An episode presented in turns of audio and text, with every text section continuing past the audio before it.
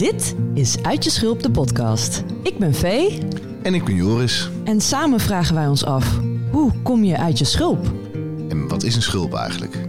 Wanneer ben je erin gekropen en wat heb je er ooit aan gehad? We zoeken het uit door te praten met mensen die werken in mentale gezondheid en persoonlijke ontwikkeling. Maar ook gewoon met iedereen die een ervaring met ons wil delen over hoe die in het eigen leven uit de schulp is gekomen. Want dat maken we tenslotte allemaal wel mee. En meestal zelfs meerdere keren. Door de verschillende verhalen en inzichten te delen...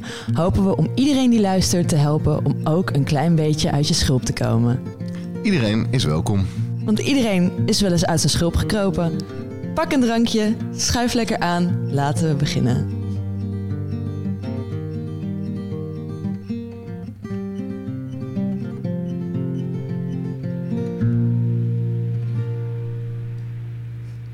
Welkom, lieve schulpdieren, bij- bij een nieuwe aflevering van Uit je Schulp, de podcast.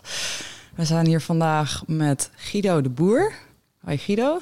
Hallo, Hi, hoi Joris. Hallo. Hi, en even Joris is er ook. Ja. precies credit where credit is due. Guido is de reden dat Joris en ik elkaar kennen. Ja. Oh ja, Moeten we ook Inderdaad. nog even ja. Laten we daar meteen even mee beginnen. Eh, Joris en Guido zijn eh, vrienden van elkaar. Ja, we hebben elkaar ooit eh, ontmoet omdat ik avonden voor de BNO organiseerde. De beroepsvereniging voor Nederlandse ontwerpers. eh, in Utrecht, in de oude Tivoli nog. En die avonden hostte ik. Eh, en toen ik er op een gegeven moment stopte, toen heeft Guido het stokje toen werd ik de nieuwe Joris. Ja. toen leerden we elkaar kennen. In een periode dat jij er een beetje doorheen zat qua werk. Ja, En ik was coach. En, Jij werd eh, coach. ik werd Ja, coach, ja, ja. inderdaad. Ja, jij was een van mijn eerste klanten toen. ja. Eh, dus wij hebben toen een aantal sessies gehad. Eh, en dat vloeide eigenlijk natuurlijkerwijs over in, in een vriendschap. Ja, ja, ja. ja. De, de- op een gegeven moment werd het vrijdagmiddag afspraken. Ja. Op het balkon. Ja, met bier. Ja. Ja. Ja. en toen later heb ik jouw kunde en persoon ook nog even goed nodig gehad. Maar dat was... eh, nou, niet om te zeggen dat dat toen minder nodig was, maar Ja. in een andere schaal. Eh, dat was dan ehm, drie jaar terug. ja. Eh, ja, hier. Ja. Ja, ja, ja. En eh, Guido en ik kennen elkaar als...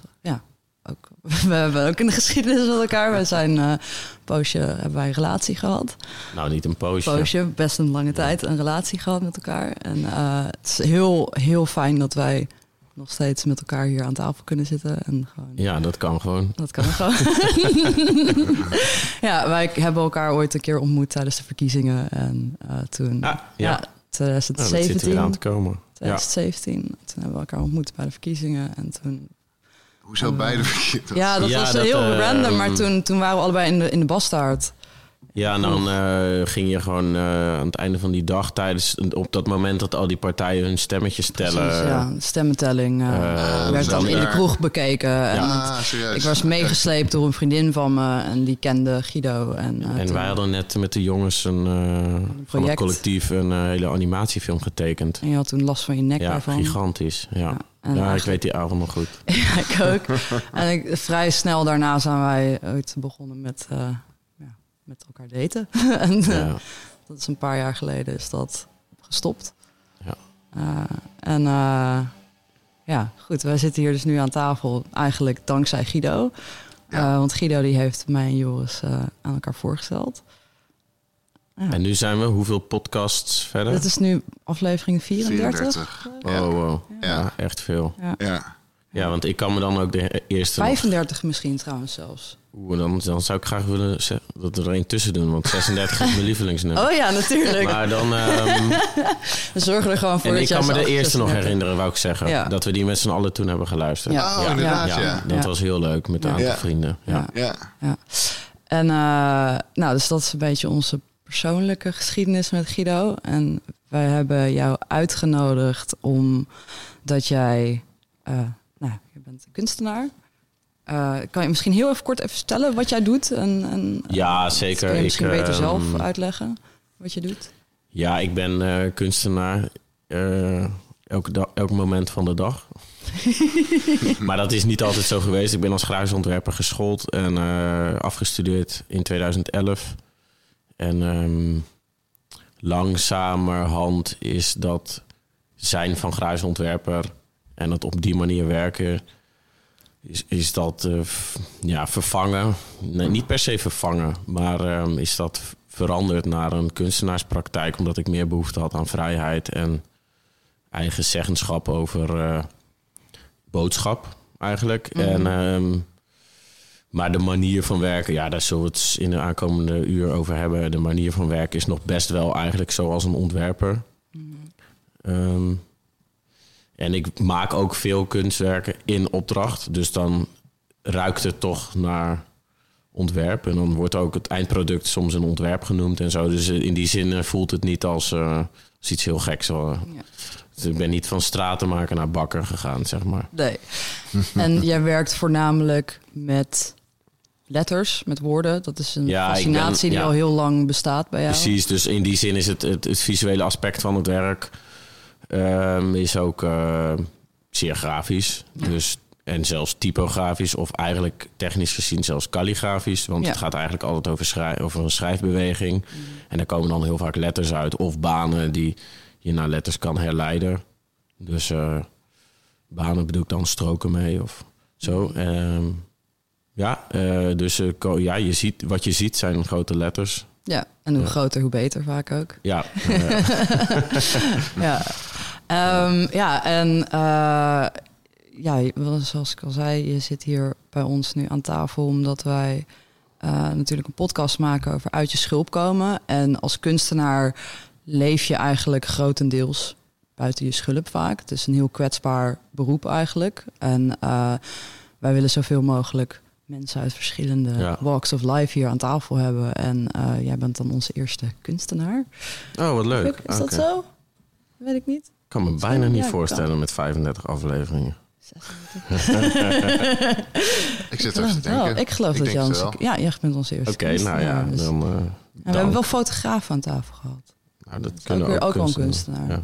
Ja, maar ja. Hij is een uh, sieradenontwerper. Sieradenontwerper. Maar jij bent onze eerste beeldende. Kunstenaar op die manier, denk ik wel. Ja. Ja. Um, zo Eva Schreuder is ook wel, uh, ja. okay. zou ik ook wel als kunstenaar. Okay. Ja. Ja. Ja. ja, ja, Nou, gelukkig, dan heb ik die druk. ja, en uh, nou, het is dus een, een kwetsbaar beroep, maar het is ook een, een beroep wat eigenlijk veel gaat over. Uh, zelfexpressie en, en dus eigenlijk ook over identiteit en jezelf ja. laten zien. Want uiteindelijk is kunst is natuurlijk uh, tenminste zo zie ik kunst, is, is jouw kijk op het leven en hoe jij het leven ervaart en dat kunnen delen met andere mensen. Ik weet niet of je het daarmee eens bent. Ja, ik denk dat je dat eigenlijk best wel beknopt. Uh, ja, zeker. Daar ga ik niet tegenin. nice. Um, ja, dus dat. En dat, dat aan zich is dus best wel een, een, uh, is een heel kwetsbaar iets. Want je laat jezelf zien. Laat niet alleen maar jezelf zien, maar je laat ook zien hoe je over dingen nadenkt. Wat jou fascineert ook. Hè. Je ja. trekt eigenlijk constant mensen mee in jouw obsessie met letters. Uh, wat natuurlijk ook een soort van. Uh, en ik noem dat op een leuke manier, want het is superleuk dat jij. Ja, ja, ja. ja. Nee, maar ik zie het woord obsessie ook zeker niet als iets ja, negatiefs. Is, uh... ik, ik, zie dat als een goed. ja. Maar het is juist heel, heel belangrijk dat mensen obsessies hebben, want dat is heel gezond. Um, en uh, daarnaast, uh, wat ook heel fascinerend is, is dus, uh, we hebben het over identiteit en, en kunstenaarschap. En um, wij hebben jou dus ook uitgenodigd omdat we dus daarover willen hebben, maar ook over dus jouw eigen identiteit. En um, uh, ik ben heel even mijn draad kwijt, want ik word afgeleid door. door Sorry, ik pakte even een speakbrief. ja, ja, dat kan gewoon. Uh, oh ja, maar goed. Ja, wil jij overnemen? Even? Ja, neem maar even over. Nou, ik, ik vond het wel mooi wat je zegt. Hè? Dus wat is kunst en, en wat doet een kunstenaar? Uh, dus een soort van uh, kijken naar de wereld en je verhouden tot die wereld. En, en dat niet alleen voor jezelf doen, maar dan dat, dat ook nog eens naar buiten brengen. dat is natuurlijk inherent al een soort, zit daar een enorme kwetsbaarheid in. Want mensen kunnen dan ineens ook heel veel van het werk vinden en daarmee ja. van jou, van hoe jij je verhoudt tot de wereld. En mensen ja. vinden altijd dingen. Maar, ja, vinden maar altijd misschien wel wat. eerst ja. gewoon, even, gewoon even terug door je leven en mm -hmm. dat principe. Hoe, hoe is dat soort van gevormd? Heb je dat altijd gehad? Zo'n soort van eh, eigenlijk een bepaalde soort van geëngageerdheid tot wat het leven is. En je uh, een, een soort van drive voelen om, om daar ook iets mee te doen. En tot dat tot uiting brengen.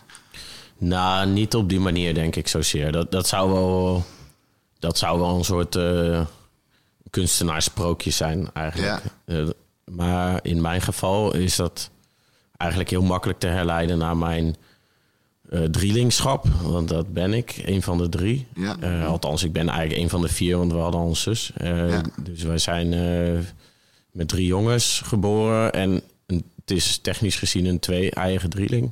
Ja. Waarvan ik dus een eitje deel met Vincent, Vincent ja. de Boer. ook kunstenaar. Mm -hmm. en Maarten. En... Um,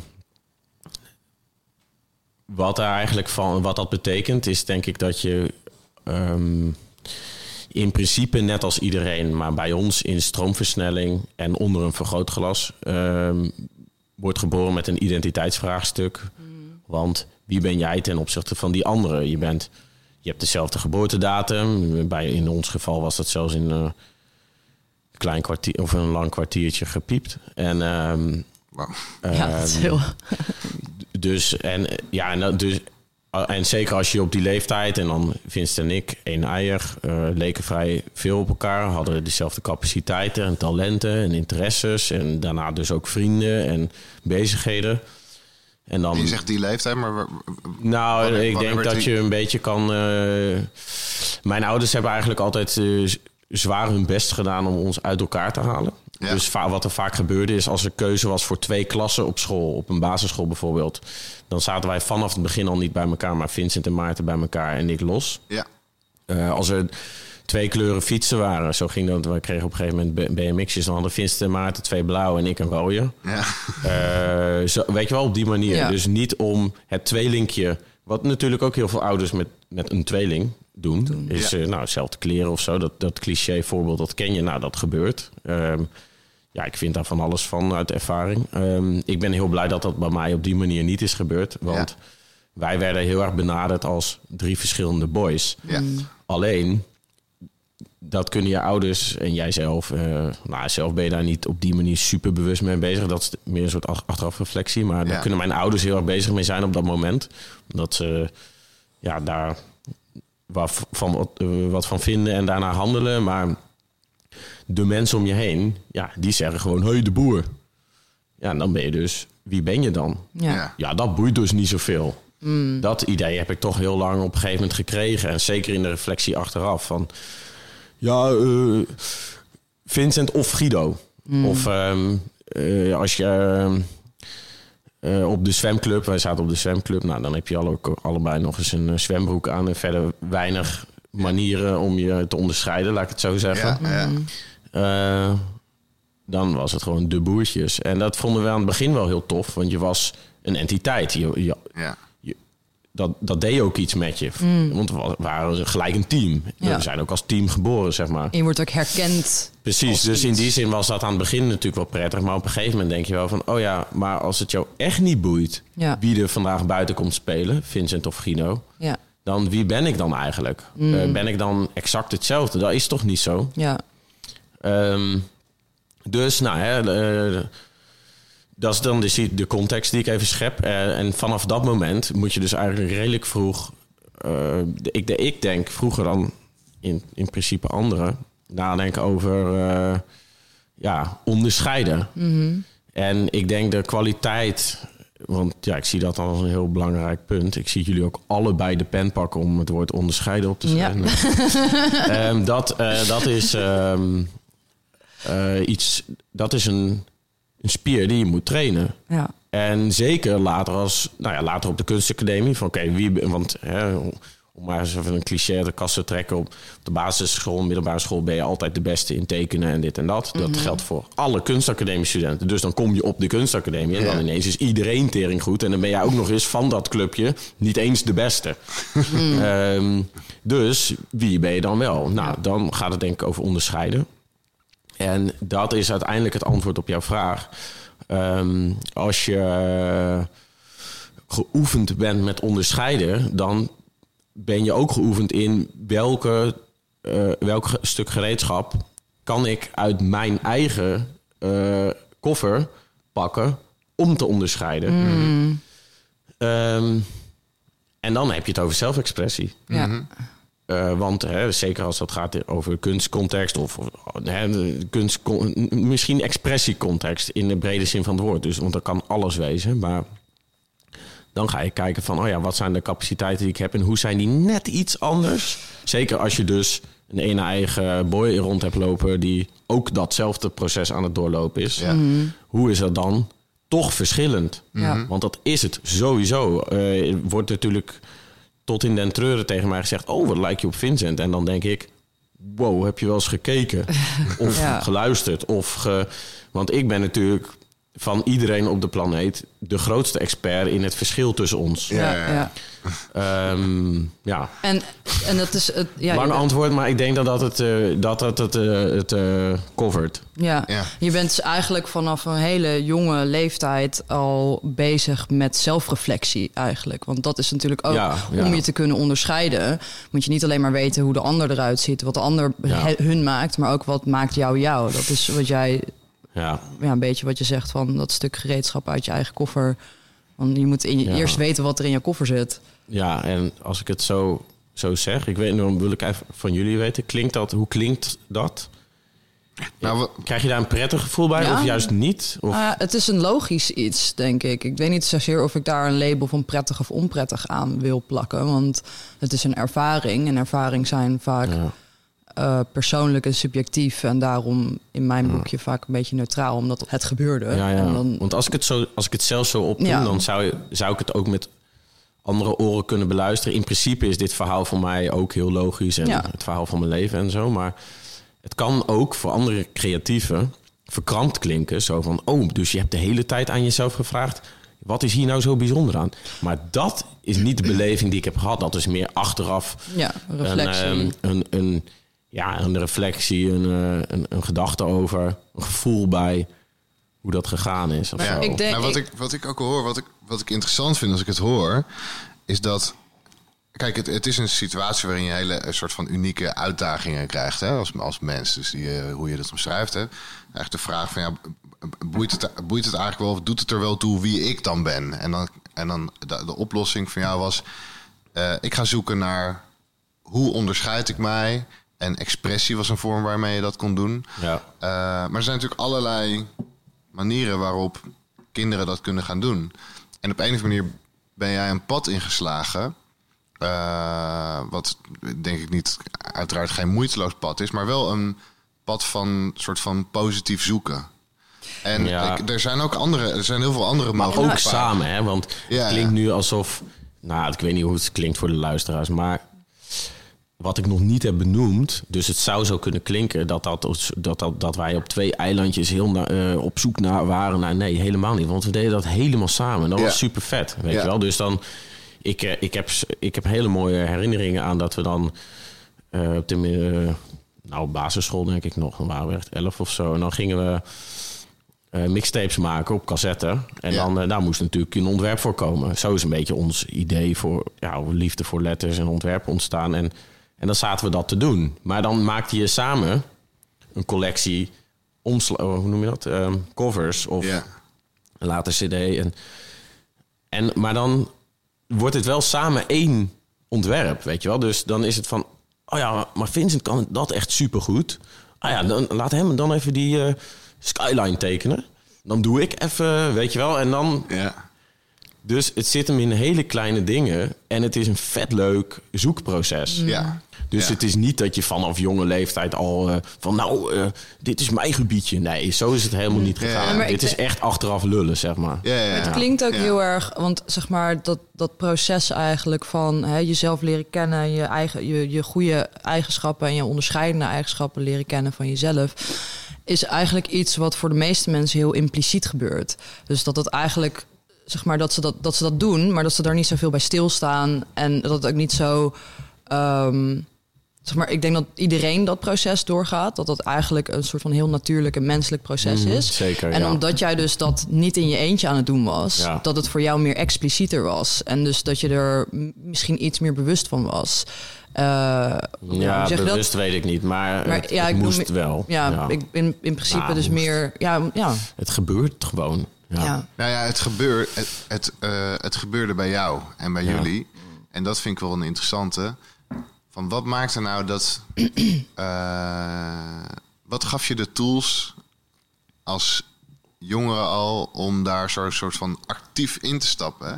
Dus heb je enig idee van wat is, wat is voor jou een soort van... eh, wat zijn de zaadjes die, eh, die jullie in staat heeft gesteld om daar zo'n soort van...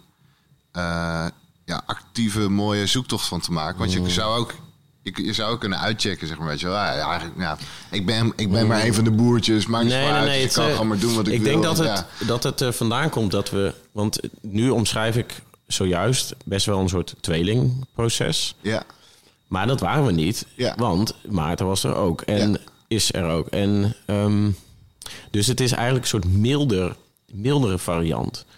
Want de verschillen tussen mij en Maarten waren zeker van... Ja, er zijn ook heel veel overeenkomsten, maar er zijn ook grote verschillen. Dus, het is, dus de zoektocht is denk ik daardoor best wel dynamisch gegaan. Omdat je bij, bij Vincent was dat altijd wat duidelijker en dat werd ook benoemd. En eh, door weet ik veel dat ons oma niet, ons uit, niet uit elkaar kon houden en zo. Maar dat gebeurde bij Maarten natuurlijk niet. Dus, Ja. dus het is denk ik. En dat, dat is er ook de hele tijd. Dus ehm, ik weet niet of dat een antwoord op je vraag is, maar dat is wel een omschrijving van, eh, van hoe dat ging. ja. Ja. Ik denk dat mijn vraag meer ging over... Wat heeft je in staat gesteld om zo'n soort van proactieve levens... Ik ken jou als een heel proactief persoon. Ja, ja. Dus wat heeft je nou in staat gesteld om... Wat, waren de, de, wat is de basis in je leven om dat te kunnen zijn? Oh, oké. Ja. Ik weet niet of ik dat over de drielingboeg kan gooien. Nee, maar Dat is ook voor jou persoonlijk. Nee, nee, Ja? dat is voor een groot gedeelte natuurlijk ook gewoon karakter. ja. Eh, ik, ben, ik ben zelfs bang dat ik, da- dat, ik dat vanuit een eh, negatieve karaktereigenschap... eh, eh, dat dat komt en dat ik gewoon ongeduldig ben. ja, dus dat is eigenlijk een beetje de, de, de platte manier van eh, proactief omschrijven. Ja. Ja, ja, dat is eigenlijk als je het bekijkt dan vanuit een eh, kwaliteit of valkuilbril... dan zou proactief de kwaliteit zijn en, en ongeduldig de valkuil bijvoorbeeld. ja. ja. ja. Op een sollicitatiegesprek zou ik het anders verwoorden. Precies. Ja. Gelukkig hoef ik dat niet per se te doen. ja. Ehm, maar ehm, ja, wat eh, ja, ja eh, even een soort van recap. Want de, de zoektocht naar jezelf is dus eigenlijk al gewoon ja, vanaf, vanaf heel jong soort van begonnen. En was je ook niet in je eentje aan het doen eigenlijk. We waren, wij waren alle drie daar Mhm. van in, in. En dat is misschien ook wel, kan ik me voorstellen, juist heel prettig. Dat, dat je dat niet in je eentje aan het doen bent. En dus dat je en eh, nogmaals, niet soort van dat jullie heel expliciet naar jezelf aan het zoeken waren. Maar jullie zijn nee, daar. nee. Maar goed, daar hebben we het nu over. Dus Precies, ja. ja. het is vanuit, vanuit een soort van achteraf gezien. Het ligt nu eh, onder een vergrootglas. dus, ja. ja. dit is het verhaal, Guido. Dit Ja, is het verhaal wat we aan het vertellen zijn. Nee. Het is, het is een gedeelte uit het verhaal. Want Precies. er zijn zoveel andere dingen. Ja, en het is een lens waarvanuit we kijken. Precies, want het, het, eh, ik, ik gebruik het woord expressie, maar we hebben het dan het thema gezin sowieso nog niet. Ik bedoel, dit is pas ook een gedeelte van Ja. het gezin. Ja. Ik, maar heb ook gewoon een zus en, En ouders. hele lieve ouders. Ja. Dus, dus, en, dus, dus ik denk ook dat expressie daar vandaan komt. En eh, Mm. weet je wel, maar goed, daar- we hebben maar een uur, hè. Maar het is, ehm, ja, dus dat is een soort belichting. Ja, en nou goed, de- de- om dan even een beetje soort van verder te schuiven in het verhaal. want dus eigenlijk al van een hele jonge leeftijd waren jullie bezig met tekenen en Mhm. met, met dus zelfexpressie op een manier van eh, je interesses. eh, eh, ja, hoe zeg je dat? Ja, jullie deelden veel interesses en, en dus mixtapes maken, daar dan de albumcovers Ja, ja. voor maken en zo. Jullie waren natuurlijk gewoon ook veel met graffiti bezig en Ja. zo. En vanuit daar is dus dan die, die, die trek naar, naar, naar kunst en naar, Ja, want ja, precies. Tekenen en zo, want op een gegeven moment eh, kom je er gewoon achter dat alles wat je eerst op je kamertje doet, dat dat gewoon een vak is. Ja. Ja. En dan kan je dat dus studeren. En Ja. dan is er ineens een kunstacademie. Ja. En dan vanaf dat moment was het van oké, ja, let's go, eh, daar moet ik heen. ja. Eh, ja. En ehm, wat natuurlijk ook, en het is dus ook om, omdat ik dat dan weet, eh, jullie zijn dus eigenlijk soort van begonnen met calligrafie als, als, eh, Mhm. als, als een fascinatie. En dat is eigenlijk een beetje gegroeid vanuit dus een voorliefde voor graffiti. ja, ja En dus met eigenlijk letters. letters in het Ja. algemeen. Ja, ja, ja. Precies. En wat daar natuurlijk ook zo. eh, nou goed, ik, daar wil ik eigenlijk ook nog wel een beetje meer over horen. Van wat dat precies voor een fascinatie. Wat, wat precies de fascinatie is voor jou met, met letters en woorden. En eh, hoe je daar een beetje in bent gevallen. Mhm. Nou ja, in, in, ehm, in eerste instantie is dat gewoon ook heel vorm, formalist, formisch, formalistisch. Gaat, ging het heel erg over vorm. Ehm, ik vind dat gewoon prachtige dingetjes, die Ja. letters. En ehm, in, in hoe ze eruit zien, in wat je ermee kan. Eh, dus ja, dan kan je inderdaad een cd eh om, het, hoesje ontwerpen of eh, een graffiti eh, tekenen of eh, later dus ook grafisch ontwerp gaan doen. Maar dat is denk ik zeg maar meer een soort van de onderkant van de, van de interesse geweest. En later kom je erachter dat dat gaat over thema's zoals inderdaad taal, ehm, schrift. ehm, en schrift gaat dan weer over een, een eh, beweging. En dat daar een betekenis uitkomt. Dus uiteindelijk later begrijp je, begrijp je goed waarom je dat zo vet vindt. Want, kun, je dat uitleggen aan eh, Ehm, mij en mensen die dat, eh, die dat nu horen en denken, wat bedoelt hij? wat is schrift, Nou ja, is in- beweging, is... In allereerste instantie vind ik dat magisch. Ik, zag, ik, ik, zat, ik, ik betrapte mij vorige week erop. Toen zag ik iemand ergens staan en die schreef eventjes op een stukje papier iets met een balpennetje om ergens dan vervolgens op een doos te plakken van wat dat dan was of zo. En ik, en ik vind dat nog steeds, ja, het is mijn dagelijkse praktijk. En het klinkt misschien een beetje romantisch of zo, maar dan, ik, je ziet dat gebeuren en daarna begrijpt iedereen wat die jongen bedoelt. Ja. En die heeft dat ergens geleerd en dat hand, handschrift is ontwikkeld. En waarschijnlijk was het verschrikkelijk, want ik zei, hij had er ook niks onder. Dus het, het, het werkte voor geen meter. Maar het gewoon. en iedereen snapt dat. Zeker als het nummers waren, want dan snapt echt iedereen op de wereld dat. Ehm, eh, ja, dus dat vind ik in de eerste instantie iets magisch. Ehm, maar wat er in die. Zeg maar, wat, wat ik net omschrijf is. ehm, de afspraak die bepaalde vormen die we met, met elkaar maken in bepaalde gedeeltes van de wereld, zodat we die vormen, dat we daar iets mee kunnen. Maar dat we daar ook over 200 jaar of 2000 jaar nog iets mee kunnen. Hopelijk trouwens. Als de inkt het Ehm. Dus jij leert iets waar je vervolgens de mensen over na jouw dood nog iets mee kunt vertellen. Dat, dat is, vind ik super magisch. Eh, niet dat ik dat boven geschikt acht boven een mondelinge overbrenging. Maar ehm, ja, ik ben daarmee, eh, daar, daardoor ook daarmee in, eh, daarop verliefd geworden. En wat ik zeg over die beweging, pijltje betekenis, Mhm. ehm, dat is gewoon hoe dat werkt. Mhm. En ja, dat is, ja, dat is dat magische. Ik, bedoel, ik weet niet of dat een heel duidelijke... Dus schrijven is was. een, is een beweging vastgezet. Ja, het is een trace, een, een spoor. Ja, En ehm, dat blijft. ja. Je kan iemand zijn hersenkronkels letterlijk eh, meebeleven. Of nabeleven. Ja, en het is extreem persoonlijk. Ja. Letterlijk ook het, het woord eh, handschrift is, is, wordt ook niet alleen gebruikt voor het letterlijke handschrift, maar Ja. ook van hoe doe jij dingen? Ja, Wat ja. is jouw handschrift in een plantpotten? Mhm. Ja. Eh, ja, dat, ik weet niet of ze dat zo gebruiken, maar je zou dat kunnen zeggen. Ja. Een handschrift, na, hoe laat je de keuken achterna? het- Nee. Ja. Maar, ehm, ja, de- en ik vind dat iets heel persoonlijks. En ehm, dat heb ik eh, ontwikkeld. Ik heb ervoor, kan me herinneren, ik zit nog een beetje met mijn hoofd in die eh, basisschooltijd door, door zojuist.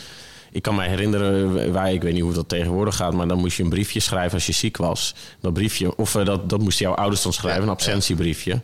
Maar ik had mij ja, wel redelijk snel een soort, eh, ja, ze noemden dat dan een doktershandschrift aangeleerd. Ja. Maar dat, dat sprak duidelijk dat dat niet een kind van eh 11 was, maar dan gewoon een man van 55. Dat handschrift, dat kon ik. En dus dat deed ik voor, op, op, op eh, aanvraag voor al mijn klasgenoten. Henkie eh, kan er even niet bij zijn vandaag, want die eh, ligt op bed. ja, eh, dat, daar, daar kon ik mee spelen. Ja. Ja. Eh, dus dat is een bepaalde motorische vaardigheid die zich uit door de- het achterlaten van sporen op een blaadje.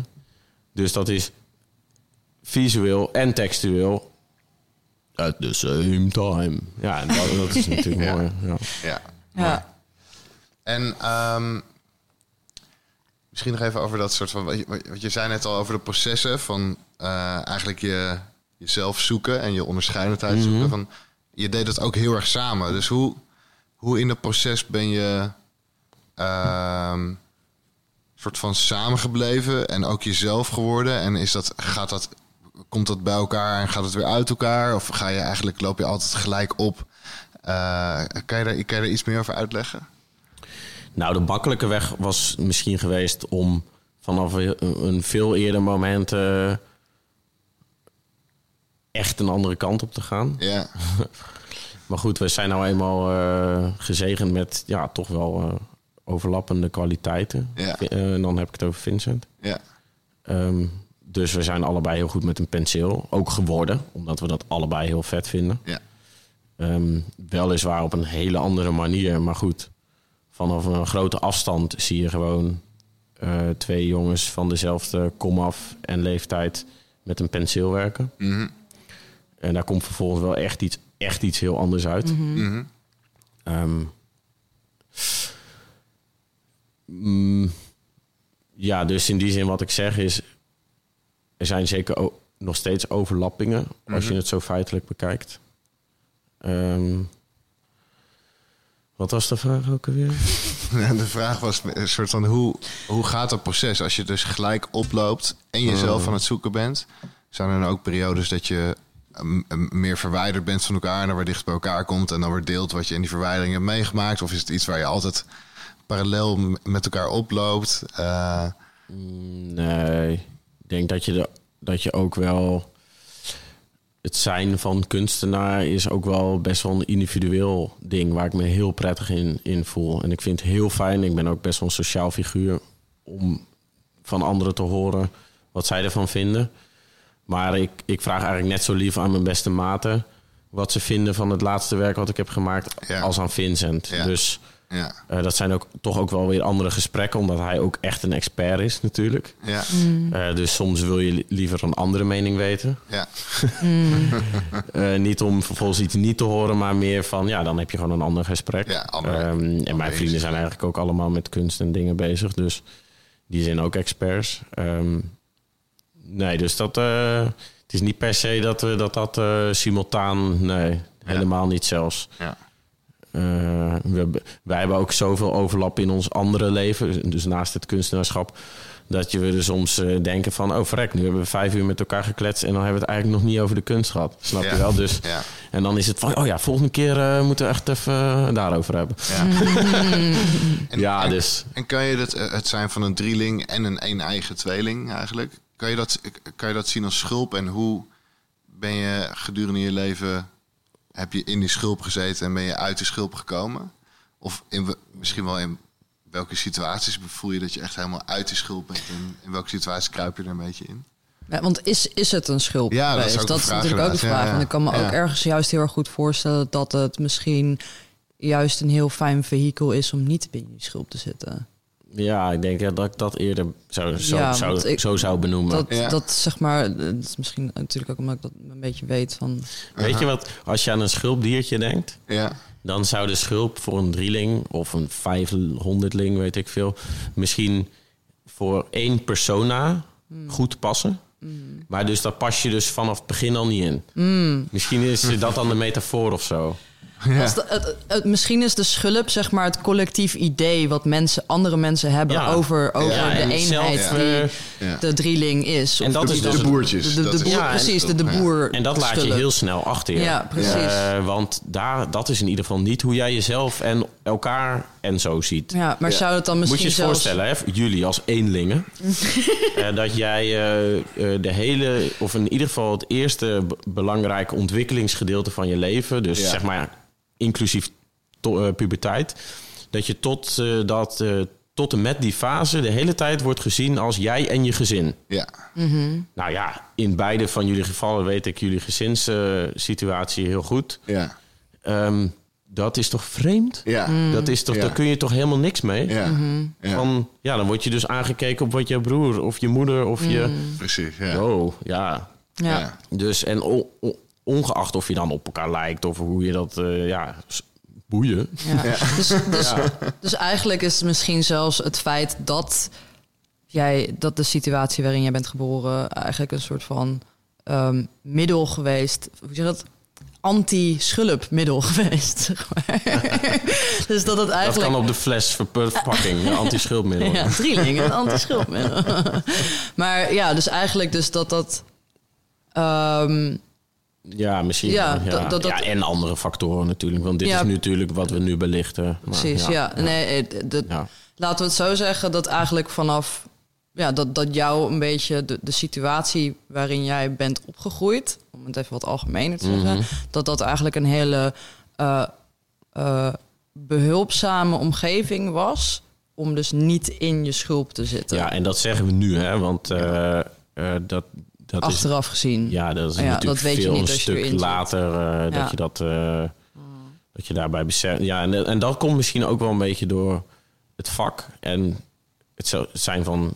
Ja, ik was ook best wel snel afgestudeerd en vroeg zelfstandig en als ontwerper stond ik eh, redelijk snel voor de klas, maar ook lezingen te geven. Dus ik, ik heb ook dat reflectieve proces is ook doorgegaan. Want als je ergens een lezing moet geven, nou, we hebben ze samen geor- georganiseerd. Zelfs toen eh, op een gegeven moment doe je ze zelf ook. En dan krijg je ook die vraag. En dan ineens realiseer je van, ah ja, waar komt dat allemaal vandaan? Oh, wacht eens even. Ja. En dan heb je het over thema's als identiteit en onderscheiding. En dan denk je, oh verrek, bij mij is dat zo. Dus nu is het makkelijk lullen, zeg maar. Ja, nee, maar dat is met alles natuurlijk zo. Ja. Ik bedoel, hè, dat, dat zijn En van nu die- gaan we er dan even gezellig een uurtje over praten. Precies. Ja. Maar ben je daar ook weer vanaf, weet je? Oh ja, oké, ja. Dat de komende tien jaar Ja. weer niet. Ja. Ja. Hey, en het hele, het hele drielingenspoor waar we op kwamen te zitten... kwam inderdaad vanuit mijn vraag eh, van... Hey, hoe, eh, hoe, ben je, eh, hoe ben je gaan verhouden tot de wereld? Eh, hoe doe je dat nu als kunstenaar? Maar waar liggen daarvan de kiem? Ehm, en we hebben nu vooral inderdaad gehad over... wat is het om drieling te zijn? Eh, en waar kom je vandaan? Eh, maar hoe heeft dat zich geëvalueerd inderdaad door de periode van opleiding naar grafisch ontwerper naar kunstenaar? Ehm, ja, dat is, eh, dat is denk ik weer iets heel anders Ja. geweest.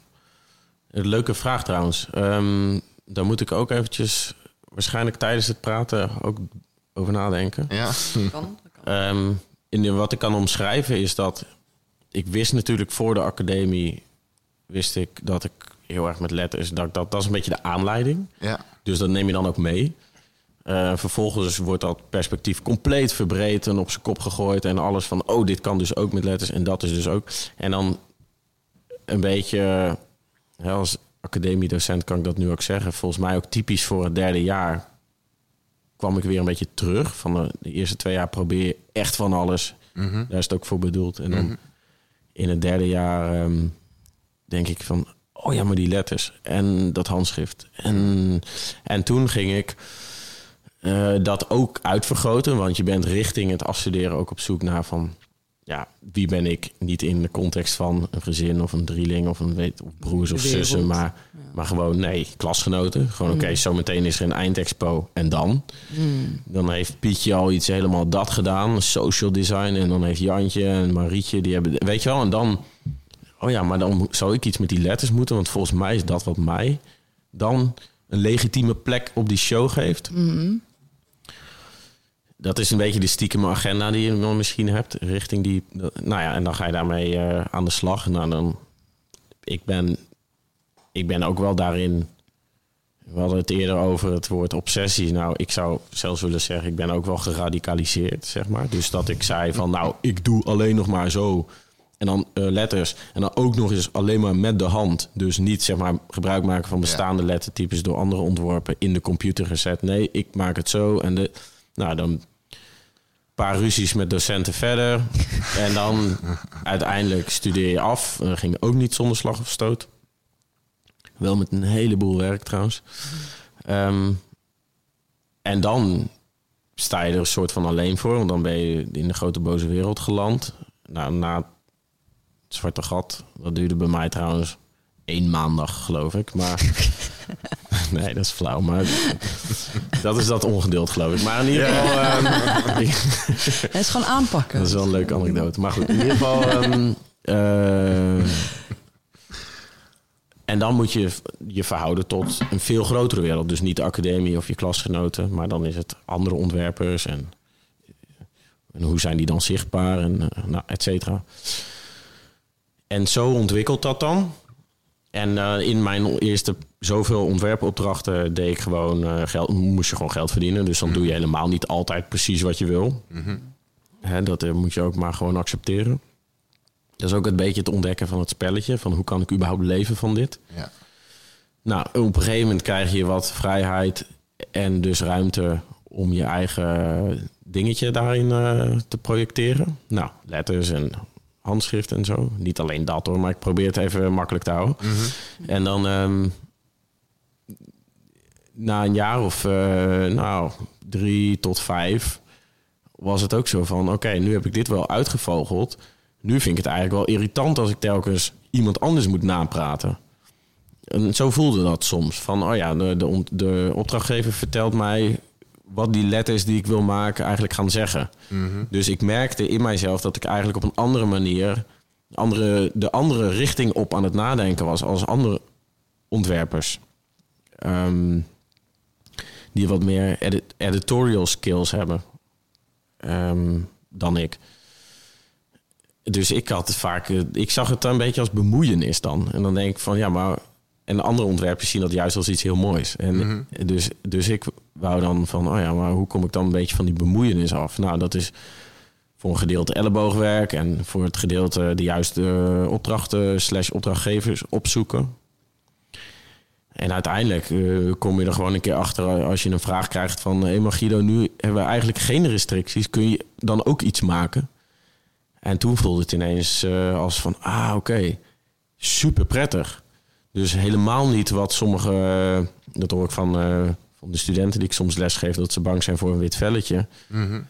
Nou, ik vond dat heerlijk. Eindelijk even een wit velletje. En dat witte velletje mocht voor mij niet, niet groot genoeg zijn. Dus dat waren ook gelijk hele grote witte muren. Eh, weliswaar met context en eh, dit en dat. Maar ehm, ja, dus dat, dat is eigenlijk een beetje zo de, hoe dat is gerold. Ja, dus, ik. dus een, grotere, een groter wit vel eh, zorgde er niet voor dat je voelde... ah, nu moet ik echt opnieuw uit mijn schulp als creatief, Nee, als nee, nee, nee, nee. eh, Dat, is- daar vond je juist comfort. Heel prettig. Ja. Ja, ja, ja. ja. Ja, ja. mooi. En over dat eh, verhouden tot de wereld, hè? Zijn er specifieke dingen, thema's, onderwerpen waar jij eh, continu eh, tot verhoudt, waar je in, ge- in geïnteresseerd bent, waar je van merkt van, ja, hier heb ik eigenlijk met mezelf ook iets te onderzoeken en dat doe ik ook via mijn kunst. Ja, ja, ja, zeker. Ja. Het eerste wat me te binnen schiet, eh, dat is trouwens ook het vaak, vaak het allereerste wat me überhaupt te binnen schiet, is het thema contrast. Ja. Contrasten. Ehm, in alle betekenissen van het woord. Eh, dat vind ik fijn. Ehm, Gaat ook Maar- weer een beetje over onderscheidend zijn. ja, maar, ja, zeer zeker. Over Maar ik vind het ook heel erg moeilijk. Dus, ehm, Ja. en daarom wil ik er ook mee bezig zijn, denk ik.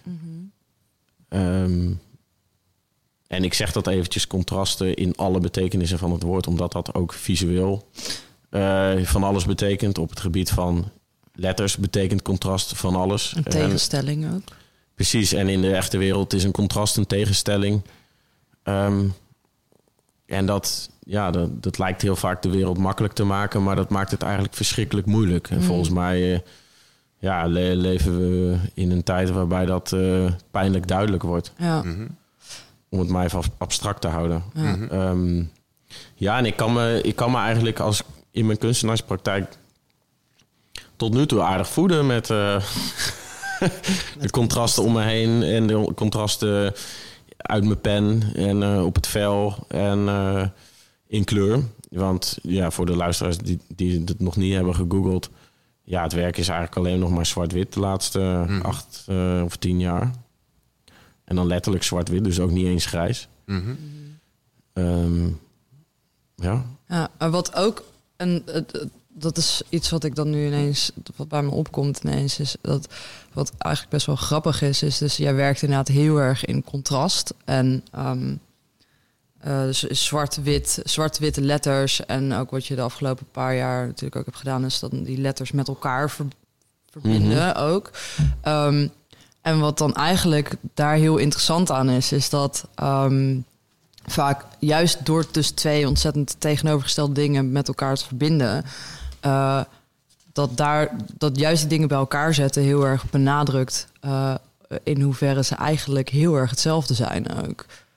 Ja, Dat is ook weer, het, maar dat komt nu even, het heeft helemaal geen verder geen relevantie op het hele gesprek of zo. Het is meer er, gewoon er komt geen vraag uit je stelling. Nee, dat is een stelling. ja, dat is geen ja. vraag. Maar dat is, dat is wel ook een interessant iets. Want uiteindelijk is dat ook wel weer zo van zeg maar, mensen die, hè, als je veel bezig bent met onderscheid maken, is dat uiteindelijk ook dat daar altijd een basis van hetzelfde in zit. Ja, ik schreef gisteren ehm, in mijn, mijn boekje, dat ligt nu voor me.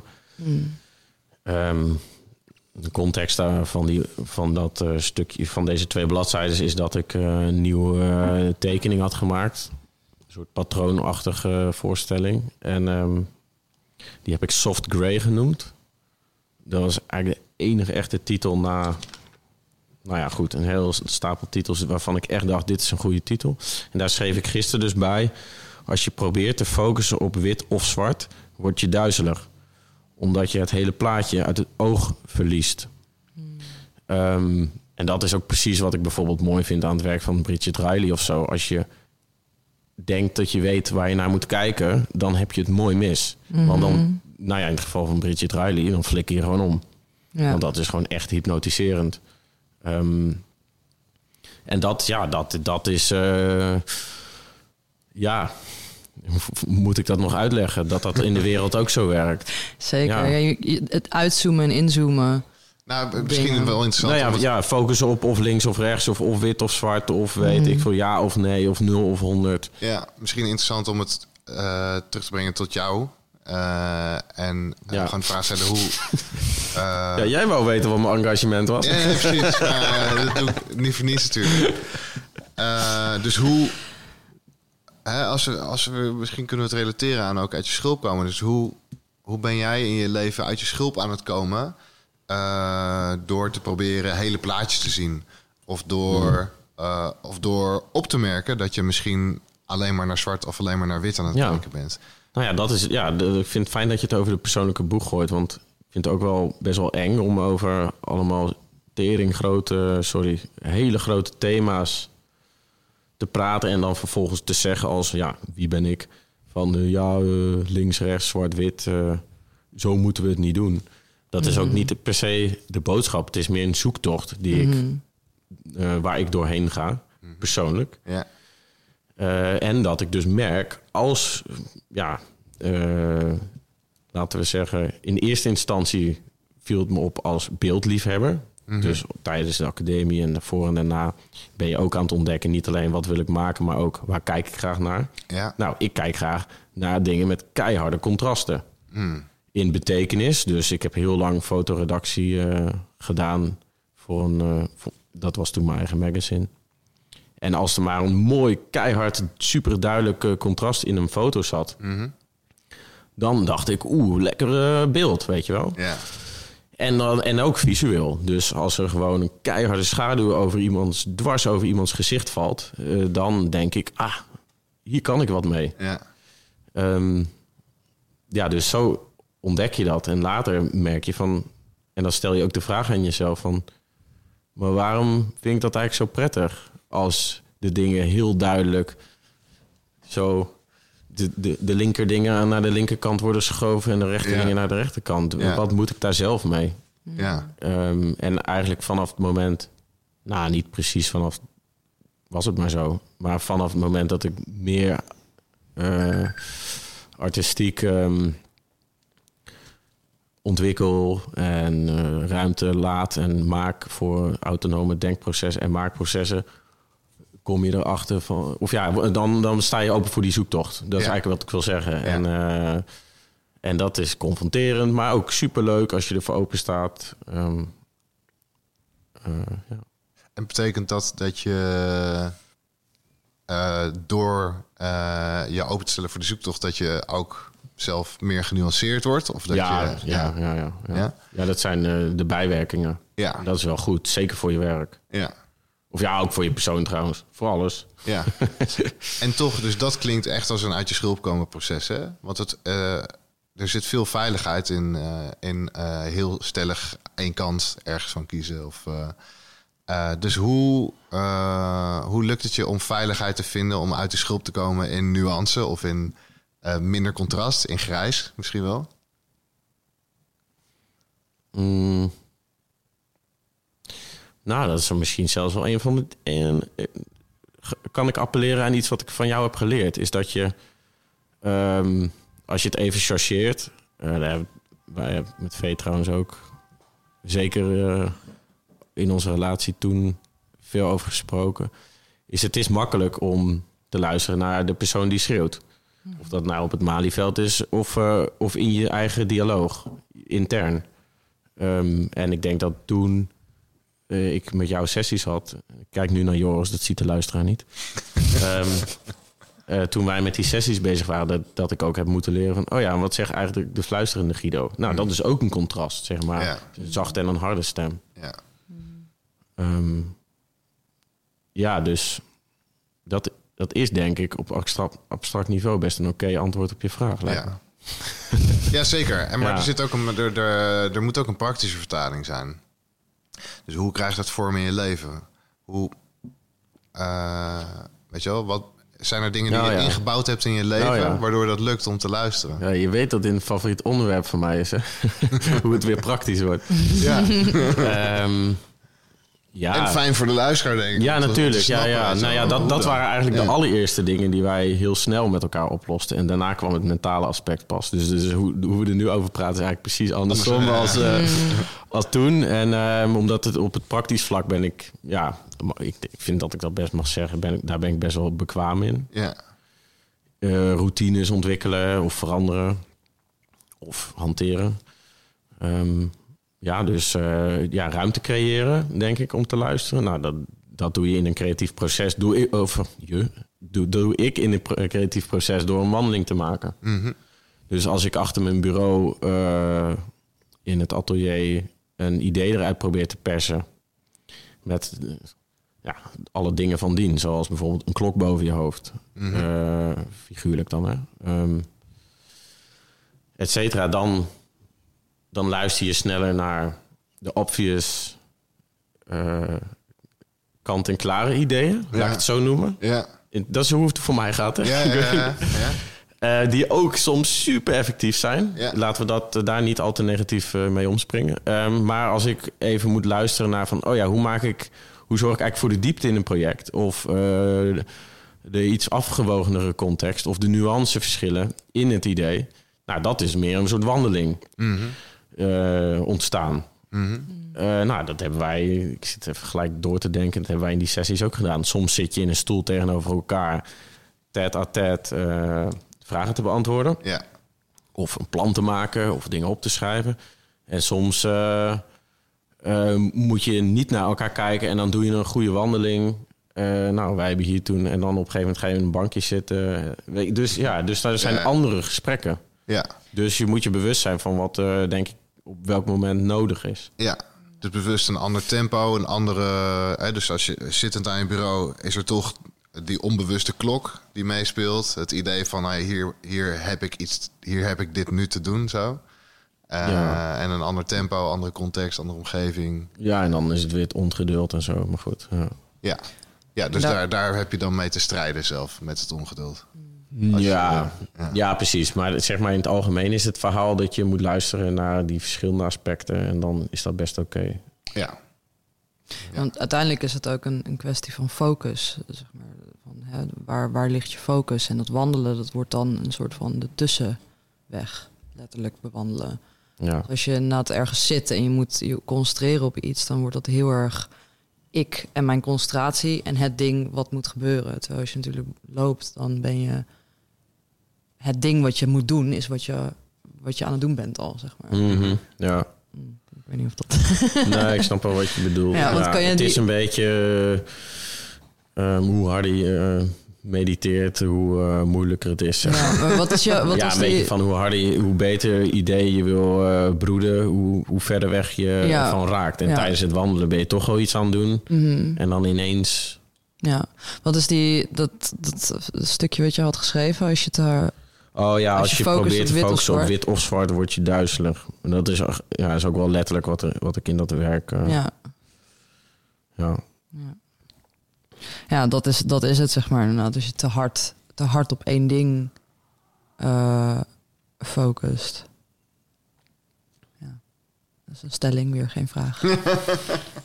ik, zat- ik zat te wachten op de vraag. nee, ik kwam niet. Ik ben al aan het... Ehm, ik vond het ook in- interessant in je, in je verhaal over de academieperiode. Zo dan die eerste twee jaar een soort van loslaten, experimenteren. En dat, dat deed me dan ook denken aan je jeugd. Dat je eerst zo eh, eh, eh, als drieling ter wereld komt. En dan moet je gaan loslaten. Het idee dat je dan dat je dezelfde bent en gaan zoeken. En dan kom je in het derde jaar en dan ga je weer, weer soort van terug van... ah ja, waar, waarom ben ik hier ook weer? Wat Ja. is mijn oorsprong? Dus ook, en je bent daar ook dan al vrij snel een soort van, hoor ik, toegepast bezig eigenlijk. Zo van, ah ja, maar ik werk al ergens naartoe, want we moeten afstuderen. En die persoon doet dit. Ja. En wat is dan een soort van mijn plek of zo, weet je? Ja, dat is wel pragmatisch. Want ik had eh, tijdens het eh, tijdens het tweede jaar had ik al een soort eh, battleplan. nou, klaar liggen zou ik niet willen noemen. Maar ik, had, ik heb er wel serieus. ja. Ja, en dat is wel interessant, hè? Want dat zei je net ook al eigenlijk op mijn vraag, hoe, hoe maak je het dan concreet? Eh, ja, dat is ook bouwen van routines is, is een kracht. Eh, dat vind ik ook een interessante. Denk ik ook interessant voor luisteraars. Weet je wel, hoe, hoe is dat een kracht? Is dat, eh, zie je dat als iets inherents of zie je dat als iets wat je hebt gebouwd? Of wat, wat zorgt ervoor in mensen dat ze goed worden in het verbreken van routines, opbouwen van nieuwe routines? Eh, en wat, wat helpt jou daarin? Wat is jouw Nou, ik soort denk van... dat je eerst eh, moet weten of eh, ontdekken, zeg maar. eh, of, of dat überhaupt voor je iets is.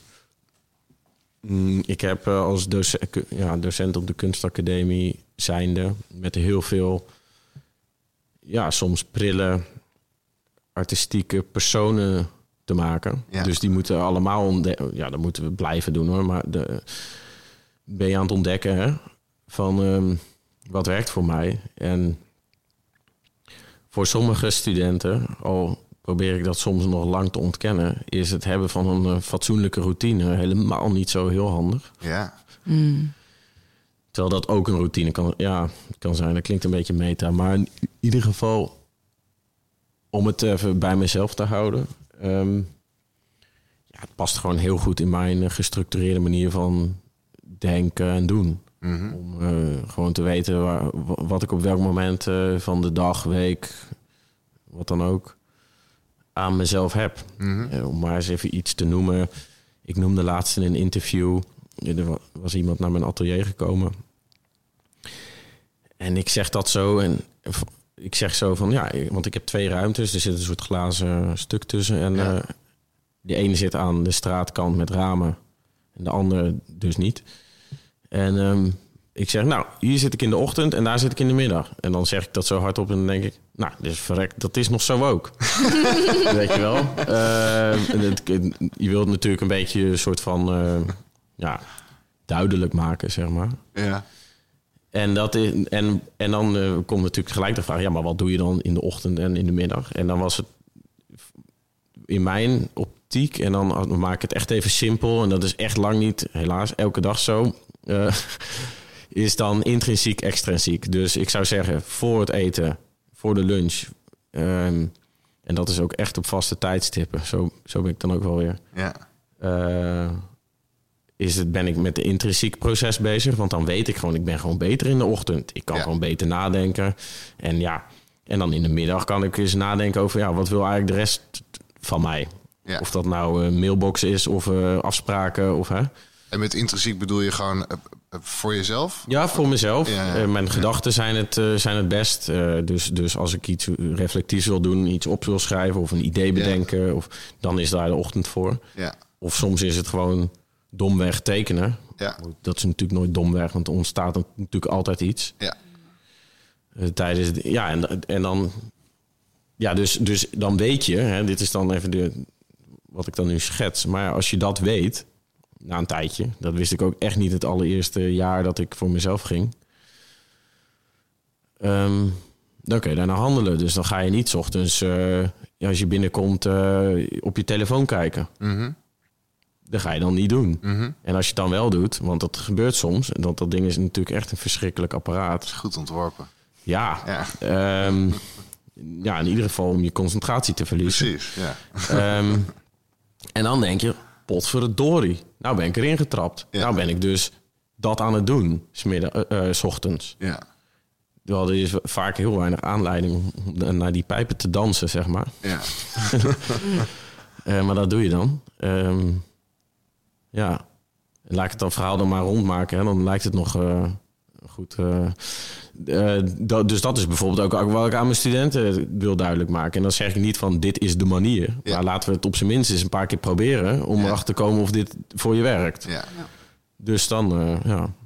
Ja. Staat dat- een, beetje, een beetje haaks op het eh, klassieke idee van de kunstenaar die... eh, Ja, zeer zeker. Ja. ja, en ik geef, natuurlijk, ik geef ook les op de Graafse ontwerpafdeling. ja, ja, dus, eh, precies. dat, is- ja, dat is dus dat is wel... een- anders dan richting autonoom. Weet ik niet. wel een beetje. Want eh, de autonome ontwerpers die ik... eh, ja, ik bedoel, ik vind Jan Schoonhoven vet. Ja, ja dat was een postbode. Ja. dus het is maar net welke cliché uit het kast wil trekken. Ja, ja, ja, Eh, dan ja. moeten mensen zich ook wel een beetje bewust van zijn. Van, wees een beetje kritisch op jouw beeld op wat een kunstenaar... Ja, niet kritisch, maar ruim. Ja. Ja. Want ja, Bridget Riley die staat gewoon eh, op tiende van millimeters te werken. Ja. Dus dat is geen Karel Appel. Ja, precies. Ja. Even een disclaimer. Wie- Wie moet ik nog meer namen noemen? Nee. Ehm, ja, ik wil even een beetje een soort van draai maken. Of een, niet Ja, draai, maar doe even een dat, soort ja. van switch maken. Want eh, zeg maar, we hebben het nu natuurlijk dan over weet je, wel, processen en dat soort dingen. Maar eh, waar we het ook even kort over gehad hebben, is hè, als kunstenaar leef je dus eigenlijk best wel. Ja, het is een heel kwetsbaar beroep. Het is Mhm. een, eh, je bent ja, constant inderdaad bezig met. ehm, ja, met zelfexpressie eigenlijk. En zelfexpressie aan zich is best wel een kwetsbaar iets. Want je geeft jezelf letterlijk bloot aan, aan Mhm. mensen. En eh, wat we dus ook al zeiden, je laat zien eh, hoe je denkt. Het laat zien waarover je denkt. Ehm, en nu moet ik even kijken of ik een goede vraag kan formuleren. Of ik dit in een vorm van een vraag kan formuleren. Ehm, nou ja, ja, misschien kan je, kan je daar iets meer over vertellen hoe dat voor jou voelt, zeg maar. Want je hebt natuurlijk dat jij, eh, je maakt dingen en dan zet je die de wereld in. En hoe, wat is daar voor jou de, de ja, hoe is dat voor jou als ervaring? Eh, dus om, om, om jouw zelfexpressie aan andere mensen te geven op die manier. Dus, En Mm. ook dus dat het wordt eh, aangenomen door andere mensen. Nou ja. Nou, eerst in de eerste instantie zou ik een verschil willen aanbrengen tussen een, eh, ja, tussen de verschillende soorten autonome processen die eh, je, je kunt doen. Ehm, ik, zoals ik eerder aan het begin al noemde, mijn werk ontstaat ook vaak door de vorm, dus groot en ter plaatse of op een muur of op een plein of dat er al een, con- een eh, context is. Eh, en dus ook een soort van opdracht of iets waartoe je je kunt verhouden.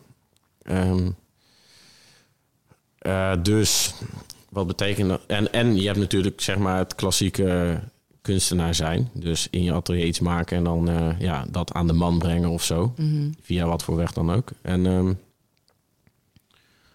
dat is op, op verschillende manieren kwetsbaar. Ehm, in het eerste geval, dus een soort van context, gegeven context situatie, is het misschien spannend omdat je er maar net vanuit moet gaan dat je zeker genoeg of eh, stevig genoeg in je schoenen staat om over die con- context iets te zeggen of ermee iets te doen. Mhm. Ehm, in het geval van een, eh, het klassieke kunstenaarschap, om het maar even zo te noemen, eh, wat ik net omschrijf als optie 2, is natuurlijk op een andere manier kwetsbaar. Want dan heb je dus niet een gegeven context en dan kan je dus nog veel meer. Ehm, en ik ge- gedij altijd wel bij ja, het limiteren. Mm. Dat is eigenlijk de hele tijd wat ik doe. Ja. Dus ik, ik heb op een gegeven ja, dingen eh, als nou, bepaalde vormen overboord gegooid, bepaalde kleuren overboord gegooid, eh, bepaalde manieren overboord gegooid. Ja, dat klinkt alsof Daarom, je daarom is de witte vel ook niet meer zo bedreigend voor je. Want Nee, het enige nee. wat je hoeft te doen is er zwart op zetten. ja, nou ja. ja, ja, en dat, dat kan je zien als hard. En dat kan je ook zien als gewoon, oké, ik heb gewoon één keuze. Ja, ja. Ehm, het is ook niet zo, ik, ik chargeer dat natuurlijk met overboord gooien. Zo werkt het natuurlijk niet. Op een gegeven Ja, moment voel je ergens bewuste heel erg prettig bij door de dingen die ik net eh, een kwartiertje geleden allemaal opnoemde. ja. Ehm, ja, zegt dat iets over kwetsbaarheid? Is het een. eh, Ja, ik denk dat, tenminste wat ik daar dan een beetje uithaal, is dus dat dan ehm, dat er een, een bepaald kader is en dat dat kader eigenlijk voor een bepaalde vorm van eh, veiligheid zorgt. Eigenlijk. Ja, ja, misschien, ja, Ja. misschien is dat het wel. Dat ik me gewoon. pre- Ja, ik vind veiligheid anno nu vind ik een beetje een moeilijk thema. Filosofisch gezien.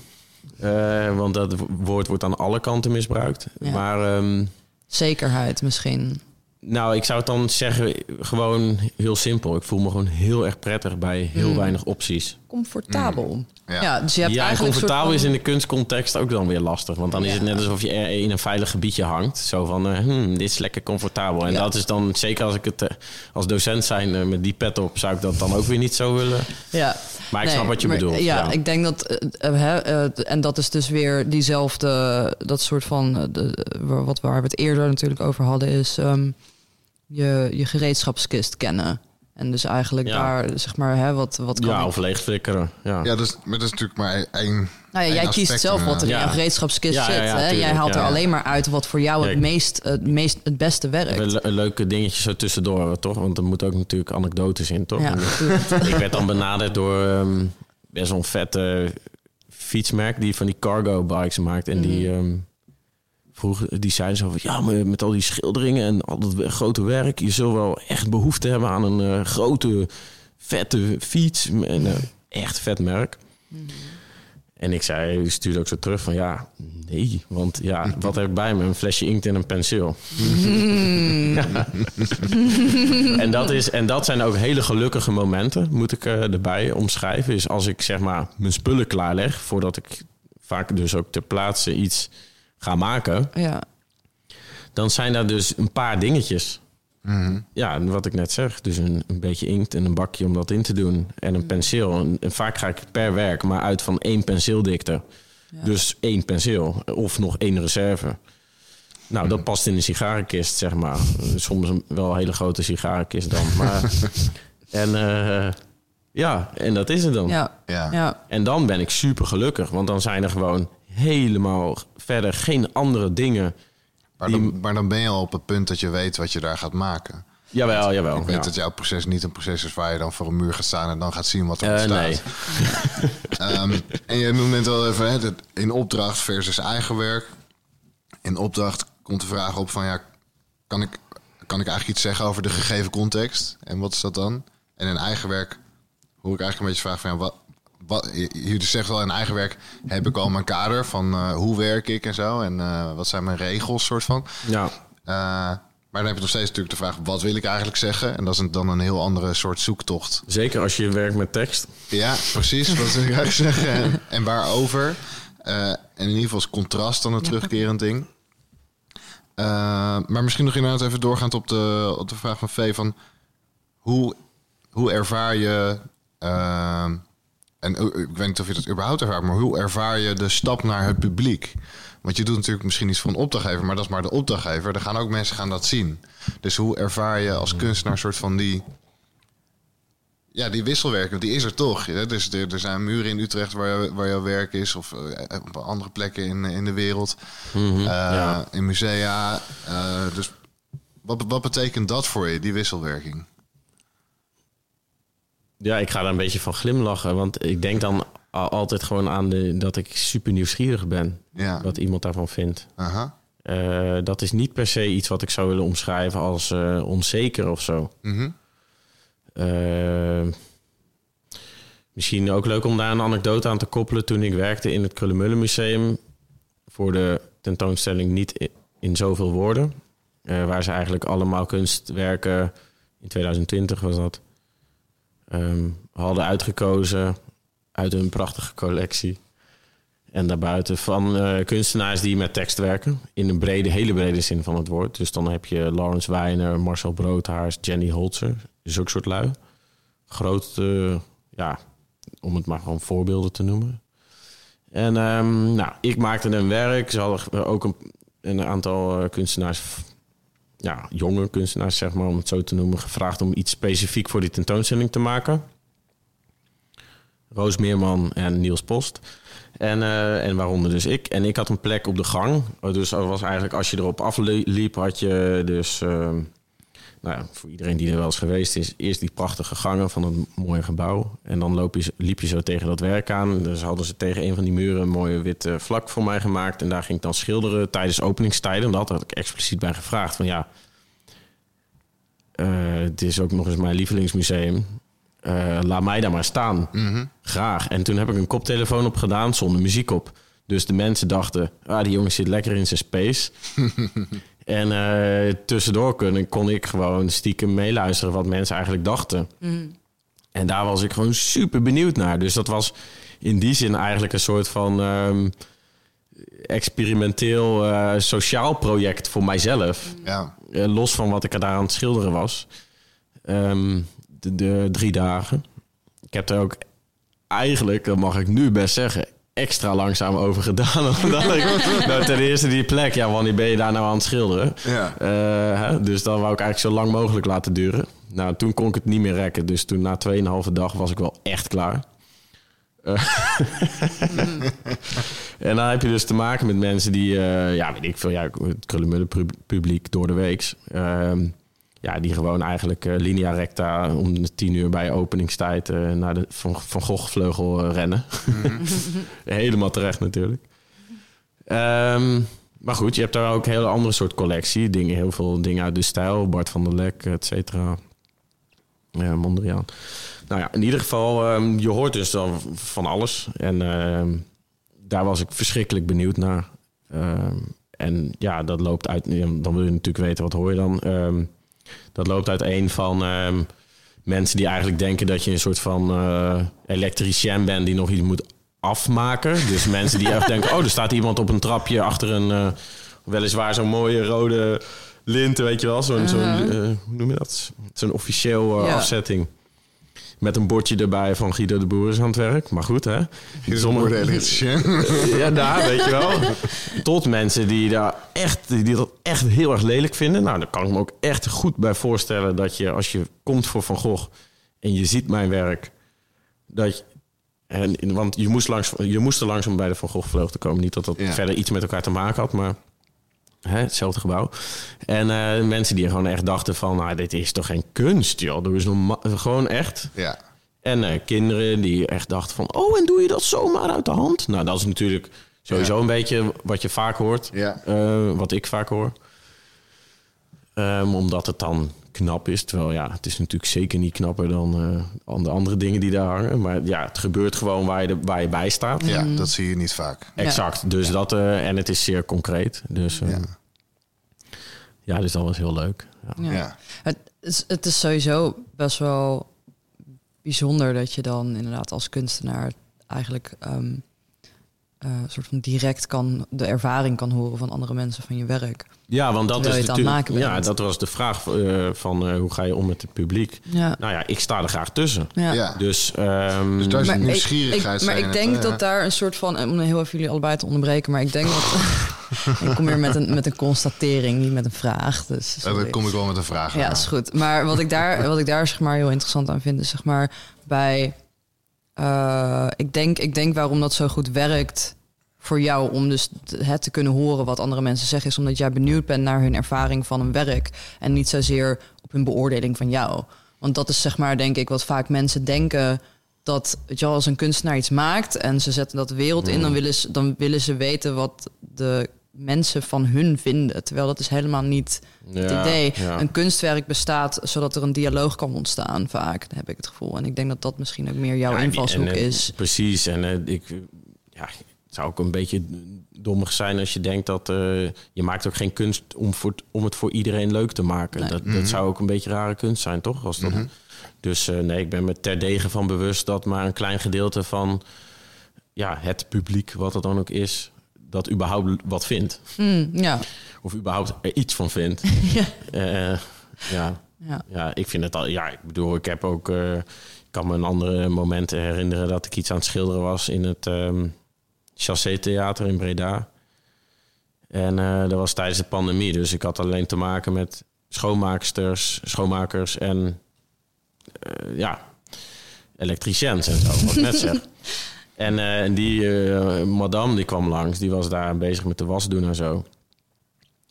En die zei, nou, ik vind dit echt helemaal niks. Oh, ben jij dat aan het maken? En toen, dacht ik, van, ja, toen zei ik ook van, ja, maar dat is echt helemaal goed. Hè? Ik bedoel, Ja. Dat maakt mij verder niet zo heel veel uit. Ik vind het eigenlijk juist wel vet. Ja. Ja, kom maar door, weet je wel. ja. Nee, dat zie ik niet per se als iets eh, negatiefs, nee. Ja, want zeg maar, en dan ga ik nu toch wel een vraag stellen. Sorry. Oh. Want ehm, ja, in, in, in, in wat voor soort. En misschien hebben we het al een klein beetje over gehad, maar misschien ik wil er gewoon nog even wat meer op inzoomen. In hoeverre heb jij het gevoel dat jouw werk eh, jou blootgeeft? Want we hebben het, hebben het daar voordat we gingen opnemen, hebben we het daar heel kort even over gehad. Over ehm, in hoeverre je je kan verstoppen in je werk. En, en eh, kan je daar misschien iets meer over zeggen? Nou, in het voorgesprek hadden we, benoemden we dat even van... ehm, kijk, andere mensen die expressief met tekst bezig zijn... eh, maar dan bijvoorbeeld niet visueel, dus een dichter of zo... of een schrijver... ehm, ja, die heeft dan misschien het verhaal of de bundel... of het, om ja, achter te schuilen, klinkt zo... maar daar hebben we het natuurlijk nu over. En bij mij is dat iets visueels. En visueel, ja, de mensen zijn nogal visueel. Net, ja, net als dat ex- exters van eh, glimmende Shiny. dingetjes Shiny houden, houden de mensen van plaatjes kijken. En eh, daarom is kunst ook wat kunst is. Ehm, ja, dus ik kan me verschuilen achter dat visuele. Er is ook altijd wat te zien. Dus Mhm.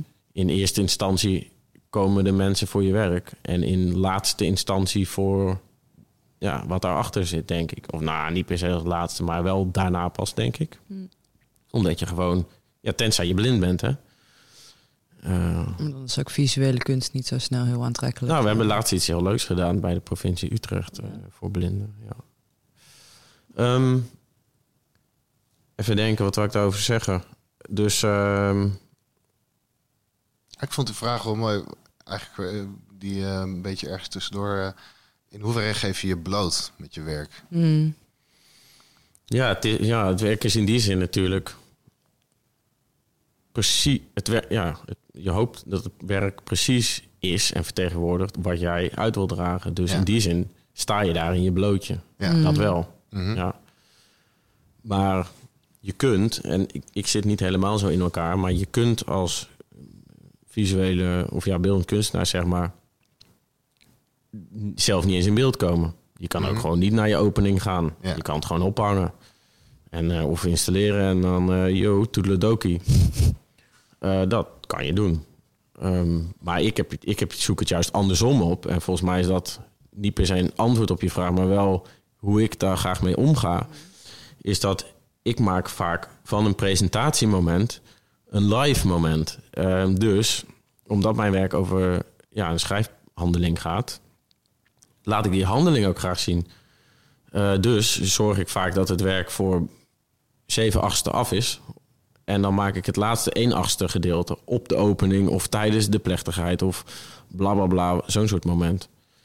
Ehm, Want dan heb je ook weer eigenlijk het, eh, de beweging van het schrijven die, er die er letterlijk dan aanwezig is. exact, Ja. ja. Ja, ja, ja, ja. En super mooi natuurlijk en heel fijn dat je daarin kan staan met een grondhouding van nieuwsgierigheid. Van hoe wordt er eigenlijk op gereageerd en alle reacties zijn oké. En eh, ik ben nog wel eh, benieuwd naar hoe zit het dan met jouw eigen soort van determineren van wat is de kwaliteit van mijn werk en wanneer is iets goed en wanneer vind ik iets goed en wanneer, wanneer lukt iets en wanneer niet. Weet je wel? Hmm. Dat, dat lijkt me ook altijd een heel complex vraagstuk voor in- mensen die maken. in die, in de context van die vraag en waar we het zojuist over hebben, gaat het volgens mij heel erg over spontaniteit. Dus ook al ben ik het type, maar ook het soort kunstenaar dat eh, vooraf hoopt alles lekker te plannen. Mhm. Dus hè, ik heb een, te- een werktekening en dat gaat over millimeters en bla bla. Op het moment, en dat is ook wat ik de mensen wil laten zien tijdens zo'n schrijfperformance. Op het moment gebeurt het gewoon. Als, die, als je begint bovenaan ergens met een penseel met keizwarte inkt, die je er zomaar niet vanaf krijgt. en je hebt die lijn eenmaal ingezet, dan gaat die gewoon. Ja. En dan kun je helemaal uitmeten, whatever. Dat gaat gewoon. En als, dat, als, als het me lukt om dat erin te krijgen. Dus niet alleen dat de handeling spontaan is en het moment en alles, maar dat dat ook in het werk komt. Want dat is nog wel een verschil. Ja. Dus daarmee bedoel ik dat dat spanningsveld tussen ja, spontaniteit en, En voorbereiding. en, en voorbereiding Ja. eigenlijk. En jarenlang oefenen en op dat moment het maar ja, hopen dat je geen trilhand hebt of zo. Ja. Ehm, die spanning, als dat erin zit, nou dan ben ik wel eh, voor een groot gedeelte tevreden. Ja. Wat is, de, wat is de soort van staat van zijn waar je in bent als je dat aan het doen bent? Ja, ehm, ik, noemde in, ik noemde zojuist zeg maar dat, het, dat ik blij ben of hè, tevreden als, ehm, als er een spanning kan zitten tussen oefening en voorbereiding en spontaniteit in het moment. Ehm, en eh, de staat van zijn die ik probeer te bereiken is, ik denk, vergelijkbaar met als je moet optreden. Dus je bent een zanger of zoiets. Ja. En eh, er staat daar een publiek en je staat nog even achter dat gordijn. En je weet dat je zometeen het beste van jezelf, hè, de, hè, dat- dat het erop aankomt. En dat vind ik een heel mooi gevoel. Want ehm, wat ik van mijn werk verwacht, dat er een spanning zit tussen, hè, heb ik al drie keer gezegd, tussen die, die twee verschillende dingen. Dus dingen die je kunt voorbereiden en kunt oefenen. En het op het moment maar proberen of doen. Mhm. Dat verwacht ik ook van mezelf. Mhm. En als, het, als ik tot die staat van zijn kom, dan zet je het op scherp. En daar hou ik van. En daarom doe ik ook graag een schrijfperformance. En dan hè, de, een, een veel gehoorde reactie daarop is van... Oh, is dat niet doodeng? Vind je dat niet veel liever als nie- niemand kijkt? Tuurlijk. Maar dat is heerlijk. Dat is Ja. zeg maar in je schulp, in mijn atelier, lekker zelf. Ja. En kan tussendoor lekker eh, klooien en eh, weet ik veel. Maar als er publiek is en het is on the spot, er wordt naar je gekeken, je staat in het programmaboekje, eh, Ja. weet ik veel, noem het maar op. Ehm, dan moet het. Ja. En ik, eh, ik vind dat eigenlijk wel heel erg prettig dat het op scherp wordt gezet. Ehm, dus, en dat is grappig. Dus mijn relatie met spanning is eigenlijk een hele, interessa- eh, hele prettige. Ik, ik heb bij spanning, ja, dat woord kan natuurlijk verschillende dingen betekenen, maar op, in deze context vind ik spanning eigenlijk heel prettig. Want het moet goed gaan en het kan ook alleen maar goed gaan, want ik mag helemaal geen fouten maken. Anders dan staat er met, ja, ik krijg er niet vanaf, weet je wel. En dan hebben we het nu even over mijn schrijfperformances, maar Ja. Ehm, ja, dus ik ontwerp dat moment ook zodat er druk op komt te staan. Dus ik kan me herinneren dat ik op een gegeven moment tijdens een openingsmoment een eh, schrijfperformance day achter waar de plech- plechtigheden zich afspeelden op dat moment. En daar was een directrice van een museum. Eh, ik zal geen namen noemen dan. Maar die had daar helemaal geen aandacht aan geschonken. En dat was misschien dat, het, dat zijn ja, zo druk was met haar eigen praatje... dat ze niet dacht van... joh, ik zal eens even benoemen dat er achter mij live een kunstperformance gaande is. Of zij had dat zelf niet eens zo opgevat. Maar ik trek zelf ook het kleed aan. Ik heb dat dus ook niet geëist. Zo van, ik wil in het programma het boekje... ik wil dat het genoemd wordt. Ja. Er ligt nu een kunstenaar op de grond in een rare positie... iets geks op de muur te schrijven... En een boel mensen hadden dat wel door. Alleen ik denk ook een boel niet. En daarna heb ik daarvan geleerd van, oh ja, dus het gaat, het is ook een optreden. Het Ja. is ook belangrijk. Ja. Ehm, dus dat moet, moet duidelijk zijn. En ik, ja, dus daar, daar heb ik dan wel van geleerd. Dus Ja. ik zet het ook op scherp, expres. Ja. Dus het is een beetje gek, want aan de ene kant heb je zoiets van... laat mij maar even, laat mij dit maar even doen. En, Ja. Maar aan de andere kant vraag je ook, kijk dan, kom dan, nu. Er gaat nu iets gebeuren. ja, het is echt, je noemt het ook een performance. Het is ook een Ja, ja, performance. ja, het is dan... Het is een heel functionele performance, wel, maar het ja, is want toch ik maak gewoon het werk af. Maar ja, Ja. het, het is een Er is ook schrijfhandeling. niet meer ja. aanwezig dan wat je nodig hebt om het Ja. werk af te maken. En Behalve dan het lintje, zeg maar, Precies, en het, eh, jij hebt het over de state of mind. is de staat van zijn in mijzelf. Ja. Maar het is ook iets wat ik communiceer naar het publiek toe. De heel, de heel weinig opties die ik heb. Dat ene penseel, Ja. eh, dat flesje inkt. Ja. Kan maar één keer goed gaan. Dat is ook wat ik aan de mensen duidelijk wil maken. Dat is ook iets wat, wat een zeer belangrijk onderdeel van mijn werk is. Niet alleen een manier van maken. Nee, het is ook inhoudelijk iets wat ik probeer duidelijk te maken aan mensen. Mhm. En wat is het, wat is dat, het, wat is dat dan dat je het probeert duidelijk te maken? Dat kon je al zeggen, ik kon je al zeggen de, de, de beperk, beperkte keuze die je hebt, of dat het nu moet, of de, de urgentie ervan, of wat, wat, wat zit er allemaal in voor jou? Mm. Ja, veel. Ehm, ja, dat vers- ik denk dat je die vraag op verschillende momenten, op, op verschillende plekken, eh, dat ik daar ook verschillende antwoorden op zal geven. Maar eh, wat me nu dan te binnen schiet is ehm, dat ik het in een wereld waarbij alles de hele tijd beschikbaar is, zeg maar. Je wordt om drie uur s'nachts wakker en je kan een film kijken. Je hoeft daar niet voor ergens heen of Ja. zo.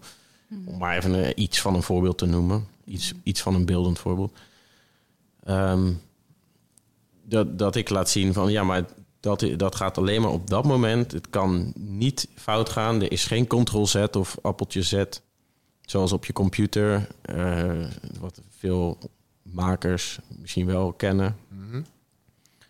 Ehm, het uitgekleden van nul of ja, één of twee opties hebben. Links, rechts, zwart, wit. eh. en dan vervolgens ehm, eh, een soort trechtergedachte van heel veel meenemen, maar dat maar op één manier. Dus oefening en, eh, en zo. Voorbereiding. Ja, voorbereiding. En dat dan eruit te laten komen. En dat, eh, dat is een soort eh, puurheid of zo, Aha. die ik heel mooi vind. Ehm, en dat is. eh, en daarna stop ik met associëren hoor, maar eh, op dit thema. Maar dat, dat is denk ik iets wat in onze westerse wereld heel anders is dan de oosterse wereld. Bij ons gaat het vaak over veel en meer en dat is dan beter. En volgens mij zijn er heel veel oosterse zienswijzen waarbij ja, dat andersom werkt. En eh, nou, dan mogen we best wat. eh, ja, ik wil niet belerend doen of zo, maar ik, wil het gewoon, ik vind het gewoon zelf heel erg vet. En Ja. eh, vind ik gewoon fijn om te laten zien. En bijvoorbeeld, zeker in de context van schrijfperformances, ja, in Japan, in China en. is dat gewoon een ding. Je kunt gewoon naar een schrijfperformance gaan in een sporthal. Gigantische dingen maken ze van 10 bij 10. Met vette lijpe kwasten, met super zwarte inkt. En Ja. hele rituelen en bewegingen en alles ingestudeerd. En de kleding en alles. Ja, ja ik, ik zou zeker mezelf nog lang niet eh, met zulke prachtige momenten willen vergelijken. Mijn performances zijn in die zin een stuk meer ingetogen. En wat, ja, wat je zelf ook zegt, in die zin ook een soort van functioneel. Ja. Ehm, ja, maar er zit, ja, het appelleert daar wel aan, hoop ik. Ja. Ja, En het is, ook, eh, het is ook iets wat je aan het publiek geeft. Want alles, alle kunst is altijd af als ze het komen bekijken. Ja, Dus eigenlijk ja dat neem vind je ik ook het- problematisch Ja, je neemt een publiek mee, ook in het maakproces. En omdat natuurlijk, waar we het eerder ook over hadden, het is een, een eh, eh, hoe noemden we het ook weer in het Nederlands? Het is een mark, een marking, een Markering. Markering en Ja. nog eentje.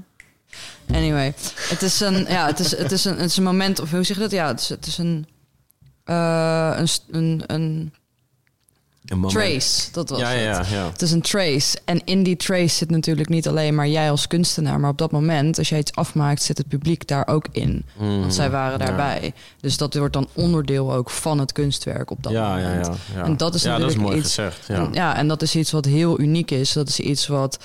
ehm, ja, eh, op, die- op die manier heb je dus dat daar dan die...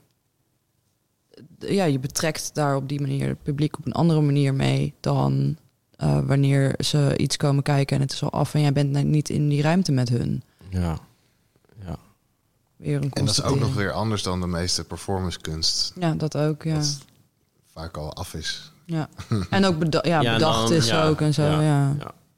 Ja. ja. Maar goed, dan is het wel heel erg vergelijken met elkaar. Maar Ja. Ehm gaan we nou net nog iets binnen? Nou, dat is alweer weg.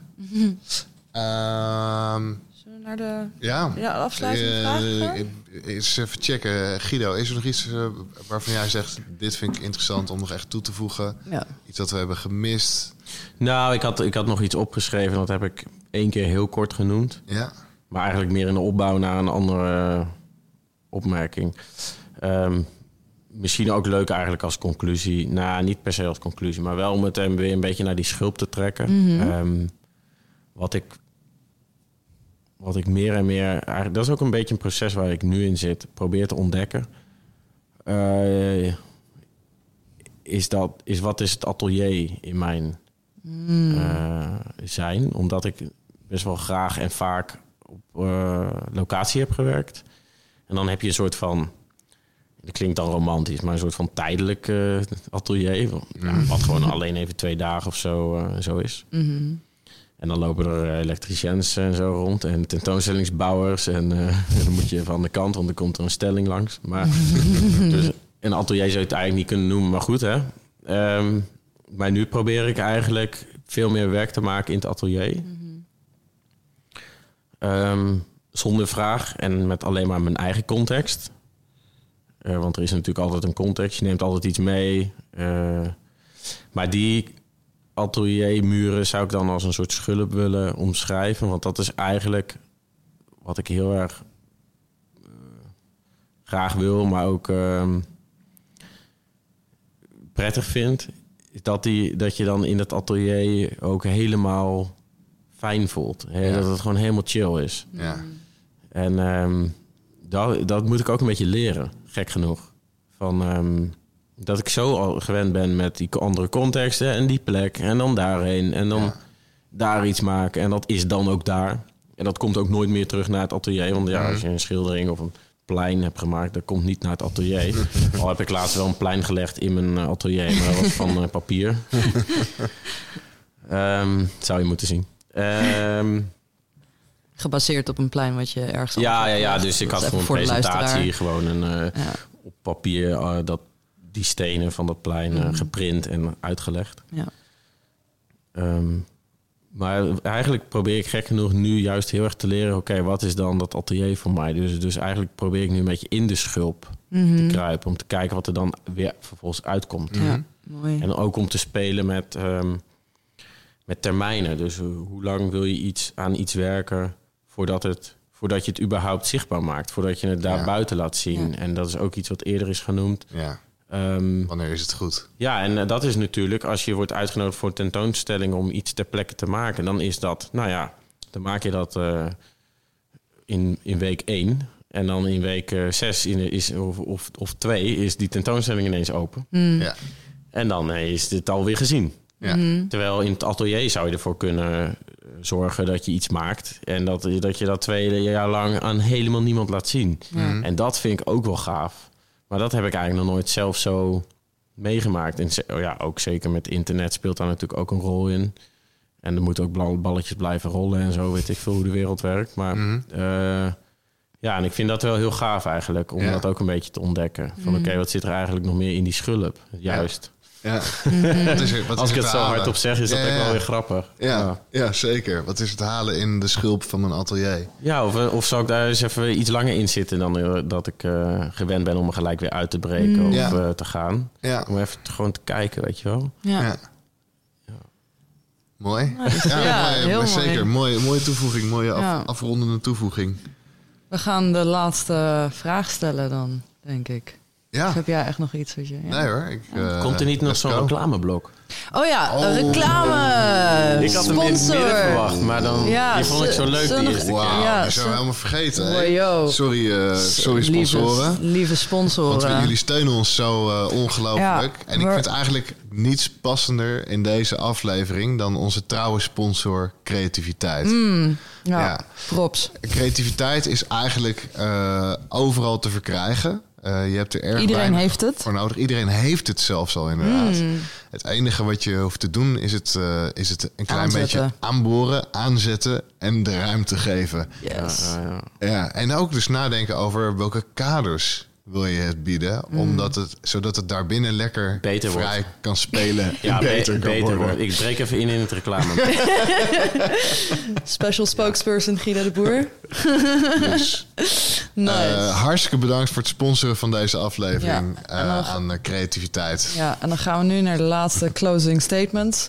Ehm, ja, wat eh, Guido, eh, als, als eh, onze luisteraars die trouw nu hebben zitten luisteren naar jouw verhaal, ehm, wat voor advies zou jij geven zelf in het algemeen aan, aan onze luisteraars die uit hun schulp willen komen? Ehm, wat is iets wat voor jou bijvoorbeeld ehm, behulpzaam is geweest of iets waarvan je denkt van dit, dit zouden andere mensen meer moeten doen of moeten weten. Mm, ja, ik, ik, ik heb gelijk een soort beeldend... eh, er ligt trouwens ook een soort schulpje voor me. Trouwens, Ja. zie ik nu. Ja, Ehm, een soort beeldende metafoor die ik nu bedenk. Ik ga even kijken of het klopt hoor. We gaan het gewoon even proberen. ja, Kijk, als je in die schulp eh, zit, te,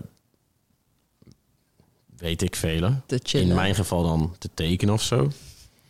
Dan eh, kun je dus op een gegeven moment daar gewoon eh, wat scheuren in beuken of tikken. Of, of je doet het subtiel of lekker niet. En dan eh, op een gegeven moment vallen zo die stukken schulp zo open. En dan ineens is het zichtbaar voor iedereen van... oh ja, wat heeft die jongen eigenlijk in die schulp zitten doen? Of die Mhm. meid of al die andere dingen. Ja, Ehm, dat, vind, dat vind ik eigenlijk wel gaaf om dat zo te benoemen. Want uit je schulp, dat zou ook een connotatie met zich mee kunnen brengen van dat dat moet. Maar er gebeuren vet veel interessante dingen in, dat kokonnetje of weet ik veel, ateliertje. Of, eh, en dan, ja, tuurlijk is het wel ja, inherent aan het, in mijn geval dan het beroep, dat dat een keer naar buiten komt. En niet pas als je dood bent of weet ik veel. Net al, ja, ik ga het groter maken. Ik, maak het, ik moet het kleiner maken. Dus, dus dat is eigenlijk mijn advies. Van, ehm, wees je, word je bewust van welke prachtige dingen daar gewoon al eh, gebeuren. En dan het enige wat je dan hoeft te doen is op een gegeven moment eh, te denken van... nou, dit is wel een goed moment. Of iemand anders zegt dat tegen je. Dat, dat werkt voor- in mijn geval beter. Van nou, dit is het moment om daar een, eh, de, de schil open te tikken en eh, dat te laten zien. Nice. Super mooi. Zeker. Ja, Dankjewel. dankjewel. En bedankt eh, voor het luisteren weer allemaal. Ehm, heb je vragen, opmerkingen, complimenten? Eh, zijn allemaal zeer welkom. Ehm, weet je iemand die hier heel veel aan gaat hebben? Stuur het Stuur de door. aflevering door. En eh, Wil jij zelf hier op de praatstoel komen? Laat het ons weten. E-mail dan naar uitjeschulpdepodcast.gmail.com Het is heel leuk hoor. Dankjewel. dat was, een, dat was een, een review van Guido. Ehm ja, we ik zou zeggen... zeggen, een hele fijne dag. Ja, Ja, en dit is ook de laatste van dit seizoen. precies. En tot het volgende seizoen. Tot het volgende V seizoen. tot februari. Ja, tot dan. Doei. Doei doei.